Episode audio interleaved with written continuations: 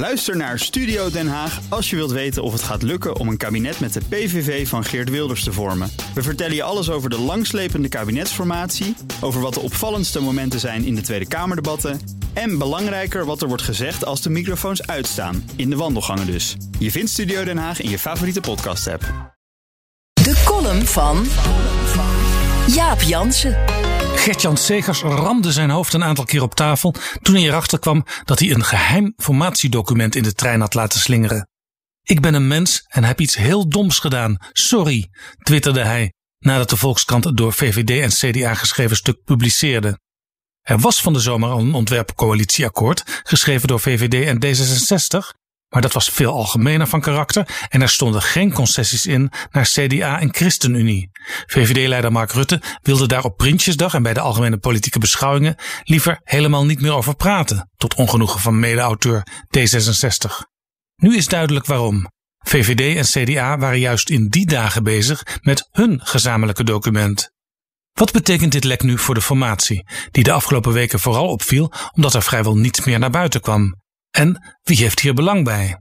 In dit geval zou de verdenking nooit bij de ChristenUnie uitkomen, wel bij D66, want daar twijfelt de achterban over opnieuw regeren met VVD, CDA en ChristenUnie, bleek afgelopen weekend op het D66-congres. Het zou toch allemaal veel progressiever worden?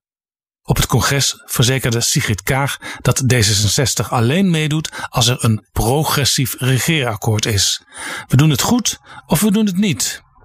En dit is een progressief verhaal, vindt zelfs Job Cohen, de voormalige Partij van de Arbeid-leider. Hartstikke progressief. Allemaal dingen waarvan ik zeg yes, zei hij op Radio 1. Cohen had er spijt van dat zijn partij hier niet aan meedeed. En nu iedereen weet dat VVD en CDA het hierover eind september al eens waren, kan D66 vervolgens nog meer eisen. Soms voeren kabinetten die niet als links bekend staan toch een progressief beleid. Bekend voorbeeld is het kabinet van marineman Piet de Jong aan het eind van de roerige jaren 60. Je moet verend meebuigen met wat in de samenleving aan de hand is, verklaarde de Jong later.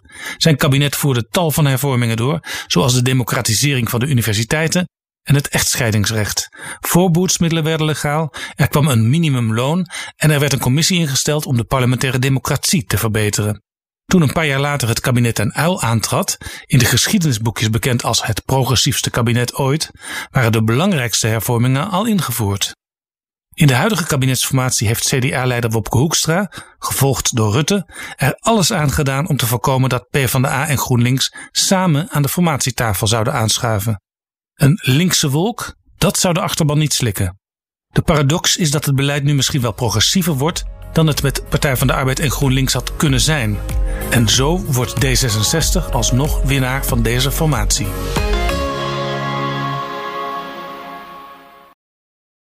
Ook Bas van Werven vind je in de BNR-app. Ja, je kunt live naar mij en Iwan luisteren tijdens de ochtendspits. Je krijgt een melding van Breaking News. En niet alleen onze podcast Ochtendnieuws, maar alle BNR-podcasts vind je in de app. Download nu de gratis BNR-app en blijf scherp.